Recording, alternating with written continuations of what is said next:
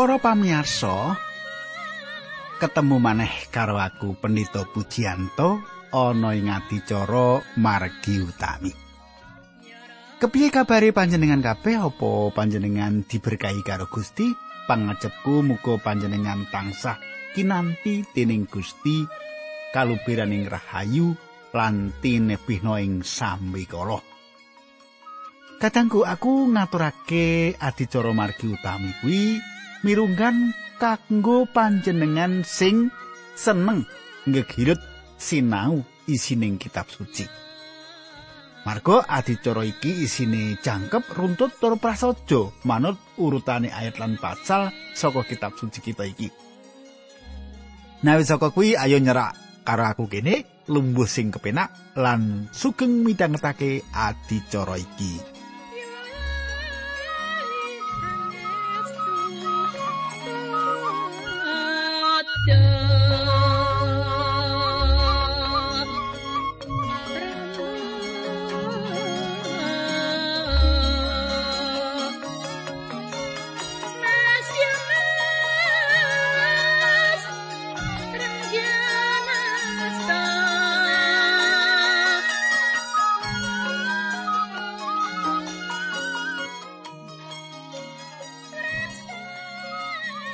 Para pamirsa, kepungkur kita wis wiwit nyinau ngengkrengane buku Injil Matius. Reng-rengane Injil Matius kepriye urutane pembagiane pasalan ayat-ayate. Lah, ing perangan iki kita bakal ngegirit bab sarasilae Gusti kita Yesus Kristus. Andarane luwih muyek lan bisoga panjenengan lagi mireng ing bab iku ing giaran iki. Mesti wae iki akeh gunane tumrap kita jalaran ing Injil Matius iki ana gandeng rentenge karo peladosan sakbutuhe Gusti kita Yesus Kristus. Sadurunge diterusake monggo kita ndedonga rumiyin. Kanjeng Rama ing swarga, kawula ngaturaken kuing panuwun menawi dal menika kawula saged sinau malih babagan kitab suci. Kawula pasrahaken wonten ing asta paduka linambaran asmanipun Gusti kawula Yesus Kristus. Kawula ndedonga haleluya. Amin.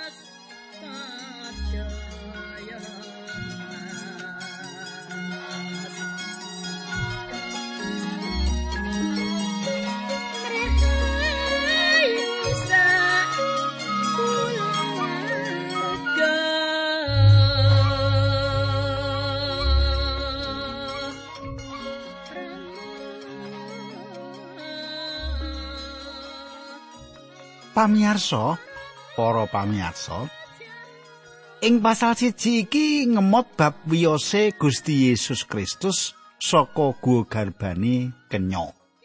Ing pasal siji iki ngemot bab wiyose Gusti Yesus Kristus saka guwa garbane kenya. Sarasilae sing dadi pambukane Injil Matius lan perjanjian anyar iki dadi catatan sing banget wigati ing kitab suci. Isine kitab suci iki alandesan yektine isi sarasilah iki. Ing Injil iki ana telung perangan. Angka siji sarasilah saka Bapa Abraham tekan Prabu Daud ayat siji nganti 6. Nomor loro sarasiah saka Raja Salomo tekan jaman pembuangan Babel ayat pitu nganti 11. Angka telu sarasilah saka pambuangan Babel tumeka Yusuf tukang kayu ayat rolas nganti pitulas. Nalika gegrut buku perwaning dumadi ana perangan sing pancen kanthi tumemen meratelakake bab sarasilah, bab keluarga lan kasunyatane bareng tekaning Injil Matius iki kabeh ana gandengani. Maca sarasilah pancen boseni, ya. Coba yen panjenengan menehi buku perjanjian anyar marang mitra panjenengan. Aku yakin nalika ndeleng saka kaca kawitan kang meratelake bab sarasilah kuwi mesti banjur bosen. Ana pendeta tentara ing perang donya loro ngedum buku perjanjian anyar marang ewon prajurit supaya bisa diwaca nalika padha ngaso ing tendane. Nanging bareng maca kaca-kaca wiwitan wis padha bosen. Malah ana sing ngomong yen buku iku ora kanggo para prajurit sawise padha maca siji tekan rong menit. Para prajurit mau ora bisa disalahake sebab pancen ora ngerti alang ujure sarasilah mau. Upamane isine perjanjian anyar iki diwiwiti saka Injil Markus dhisik, mbok menawa bisa nyuda wong bosen. Nanging kabeh mau ora dadi perkara sing abot sebab isi sarasilah mau pancen penting banget. Isine perjanjian anyar iki gumantung marang yaktine sarasilae Gusti Yesus sing ditedhakake saka keturunane Bapa Abraham lan Sang Prabu Daud. Garis tedhak saka Bapa Abraham nandhakake bangsa lan sarasilai tedhak Sang Prabu Daud nandhakake kursi keprabone. Panjenengane Gusti Yesus ana ing garis turune para raja. Katanggu kanggone bangsa Israel, sarasila iku wigati tumrap sapa wae. Sebab apa? Sebab sarana sarasilah mau bisa kanggo nuduhake sapa sanyatane para leluhure. Upamane nalika bali saka pambuangan kabeh jeneng-jenenge kecatet katulis manut talere dewi-dewi. Coba panjenengan waca Isra bab loro ayat swidak siji nganti swidak loro. Keluargane imam sing ora bisa nemu tanda bukti bab leluhure ya kuwi Habaya, Hakos, Barsilai. Sarene ora bisa mbuktekake sapa leluhure, mulane wong-wong mau ora dililani nindakake pegawean imam. Katanggu, sing ora cetha leluhure ora dililani nindakake pegawean imam tumrap taler lewi. Kiraku sarasilah iki disimpen dening pemerintah jaman iku lan dipapanake ing bait suci. Kanthi cara iki saben wong Israel padha kanthi gampang goleki sapa leluhure iku. Katangku, mesti pirsa nalika semono Israel nganggo asas pemerintahan teokrasi. Teokrasi iki teo iki Gusti krati panguwasa. Panguwasane saka Gusti Allah ya teos.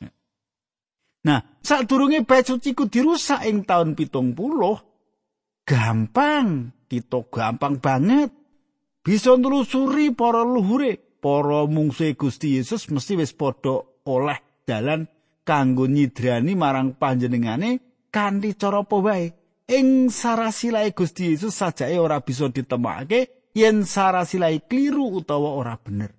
Mula para mungsuhe Gusti ora ana siji wae sing gugat kanthi alasan sarasilah salah. Kataku, bab ora ana cacate sarasilah Gusti Yesus iki ndadekake panjenengane mapan ing kahanan sing ora bisa dibandingake. Mesti panjenengan emut ngendikani Yohanes 10 ayat 1 nganti loro.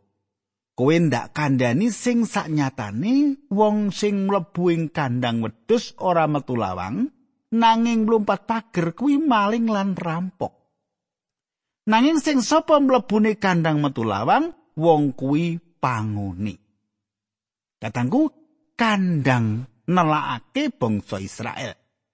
Panjenengane sang juru pangon utami iki ora mencolot saka pager utawa kanthi sesideman golek dalan cilik kanggo mlebu ing kandang panjenengane mlebu kandang lewat lawang. Regol gedhe saka ngarep ora sesideman.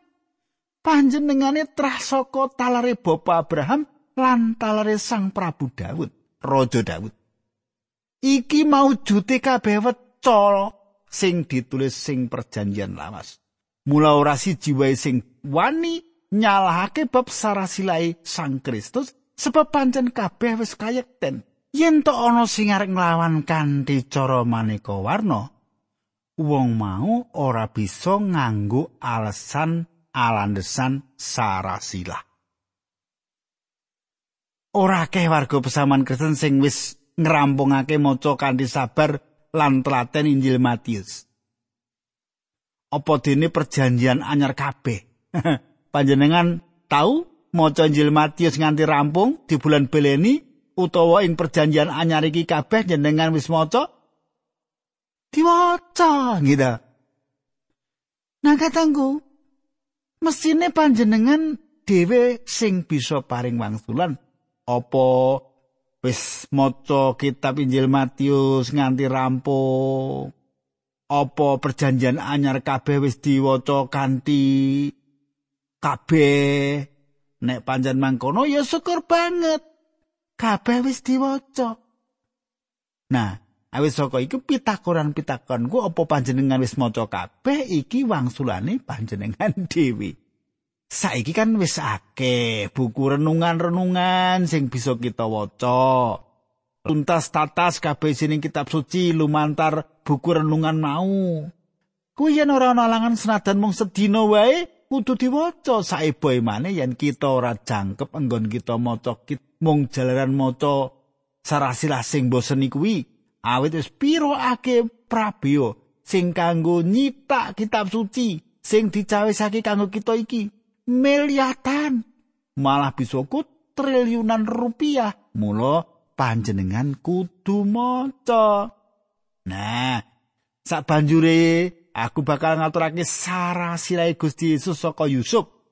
Ing Injil Lukas kita uga bakal nemoni isine kitab suci yen Gusti Yesus saka trae Maryam sang kenyo saiki coba Matius 1 ayat 1 iki sarasilae Gusti Yesus Kristus Gusti Yesus kuwi tedak turune Prabu Daud, Prabu Daud tedak turune Bapak Abraham.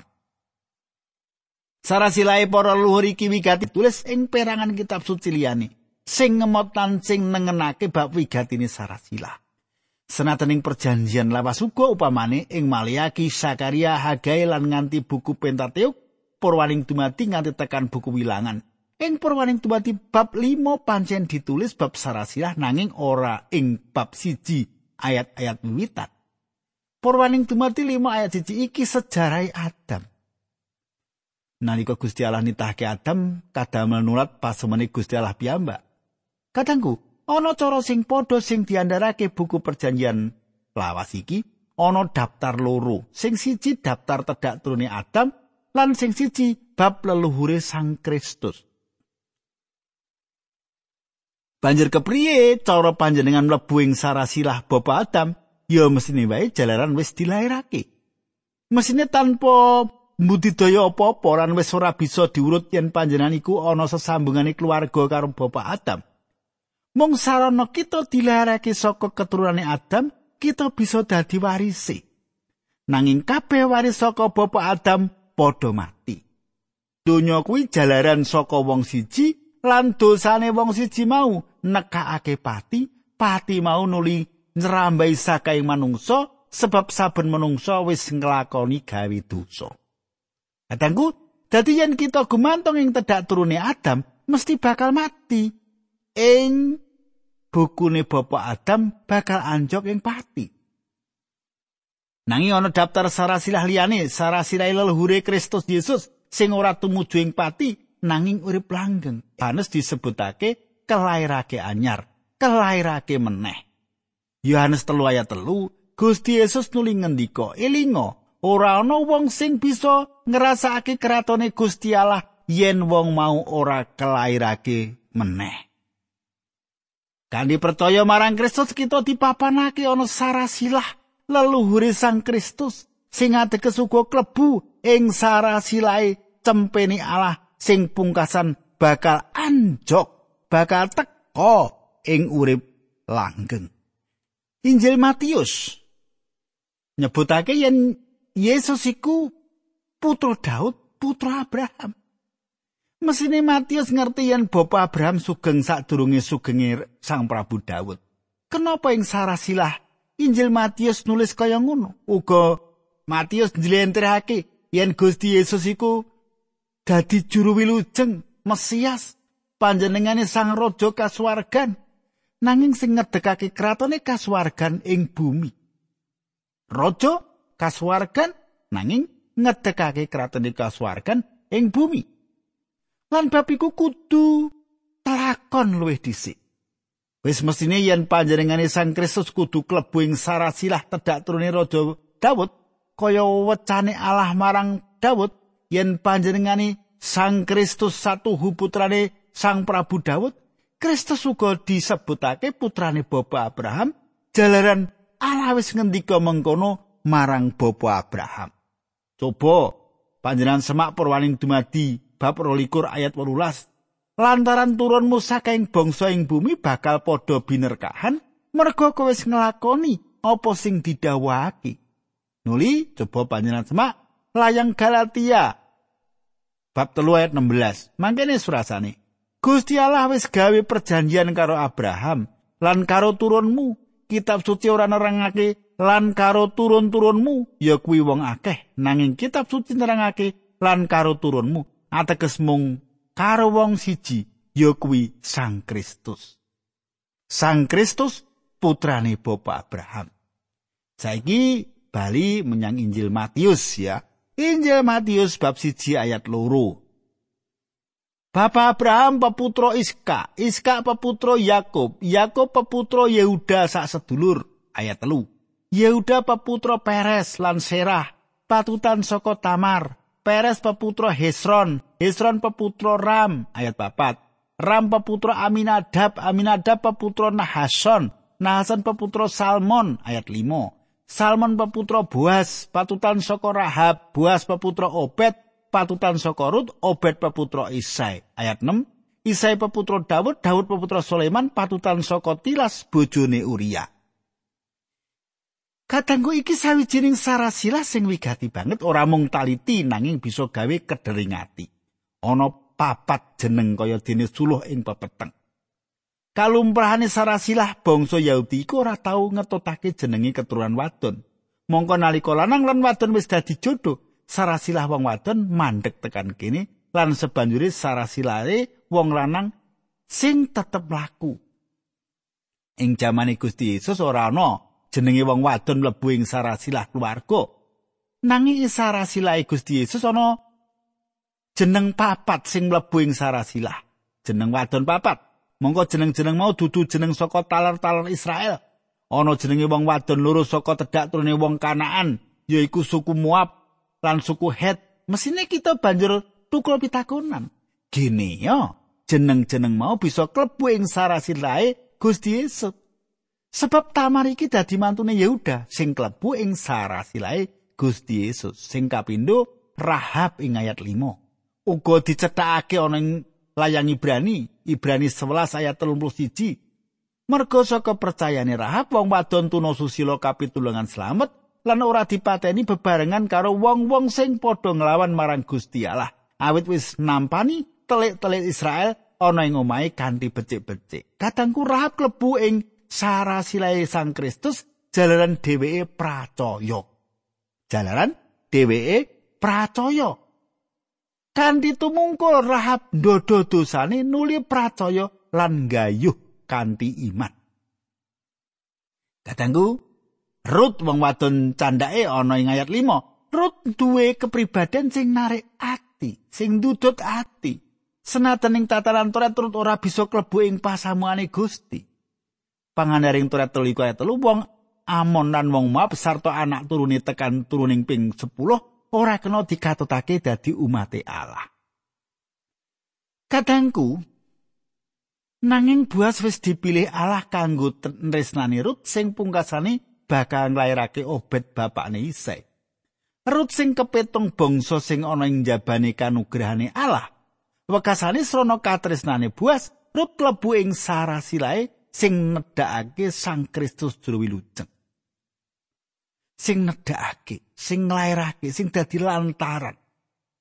Rut ketiban katresnane buas nalika penyawang sepisaran marang Rut wanita maprondo kembang iku. Buas saka katresnane menehi slimut kemul marang Rut lan boyong dadi garwani. Iki ateges yen Rut bisa klebu dadi pasamuane Allah. Rut loro ayat 10. Rut banjur sujud ana ing ngarepe Boas lan kondo mengkini. Pa kula menika tiang monco kula bingah dene panjenengan sae dateng kula lan ngatosaken kawontenan kula. Kadangku kahanane Rut kaya kahanan kita ing ngarsane Allah. Kita marek ing ngarsane Allah karono asih tresnane sing wis dibiawarake marang donya iki. Kanthi nggawa dosa sing dadake kasangsaya urip kita. Banjur Allah kersa temelung ngasta lan nampani pisuan kita.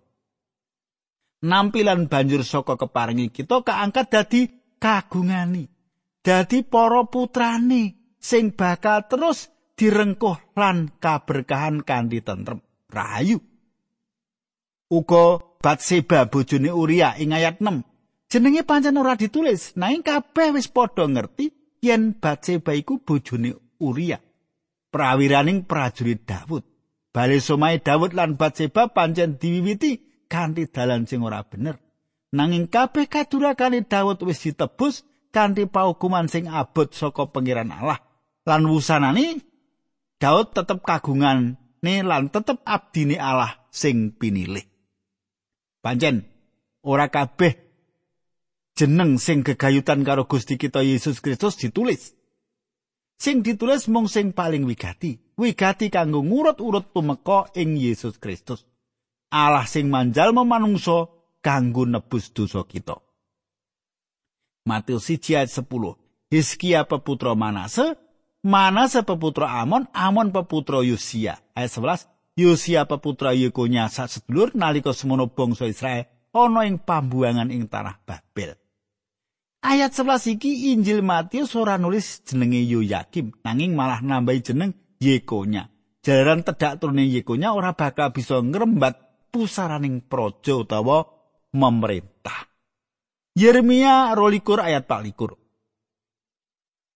Pangandikane pangeran marang Raja Yoyakin ben Yoyakim Raja Yehuda mengkene demi aku Allah kang gesang sinadan kowe dadi ali-ali cap ing astaku tengen ewa semono kowe bakal ndak copot saka ing kono ayat 30 wong kuwi tulisen yen ora duwe anak wong sing sakjeke uripe ora oleh gawe sebab turune bakal ora ana sing bisa dadi raja lungguh ing dampare Daud sarta ngereh tanah Yehuda. Aku pangeran wis ngendika. Kadangku jalaran dosane Yekonya ora ana siji wae tedak turune sing bisa dadi raja ing Israel. Sarasilai Gusti Yesus saka putrane Maryam lan Yusuf sing karo-karone saka talar keturunane Daud.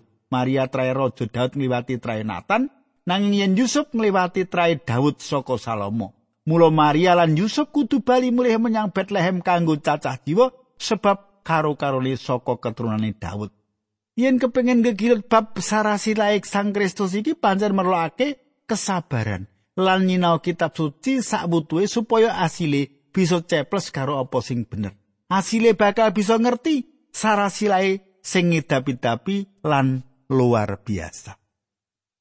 Ing sarasilah iki ditutup ing Matius 1 ayat 16 Yakub peputra Yusuf. Yusuf kuwi garwane Maryam. Maryam iki sing babar Gusti Yesus sing disebut Mesias. Katangku wiwit saka ayat loro disebutake yen Abraham peputra Iska, Yakub peputra Yusuf. Nanging bareng tekan wiyose Gusti Yesus Matius nulise Yakub peputra Yusuf, Yusuf kuwi garwane Maryam. Maryam iki sing babar Gusti Yesus sing disebut Mesias. Kadangku saka andaran kitab suci iki cetha yen Yusuf dudu ramane Yesus. Yusuf dudu ramane Yesus Kristus Gusti kita.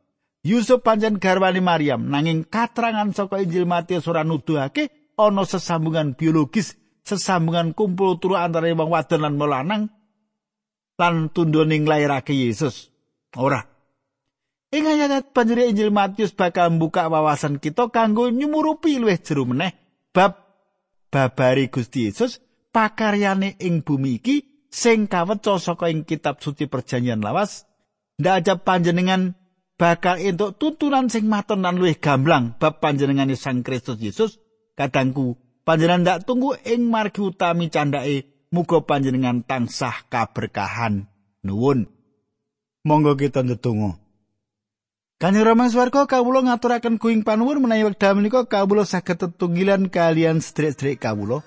Kawula sampun midhangetaken sabdanipun Gusti Roh Suci kemawon ingkang badhe njlentrehake nyetakaken menapa ingkang abdi paduka andharaken. Dinambaran asmanipun Gusti Yesus Kristus kawula donga haleluya amin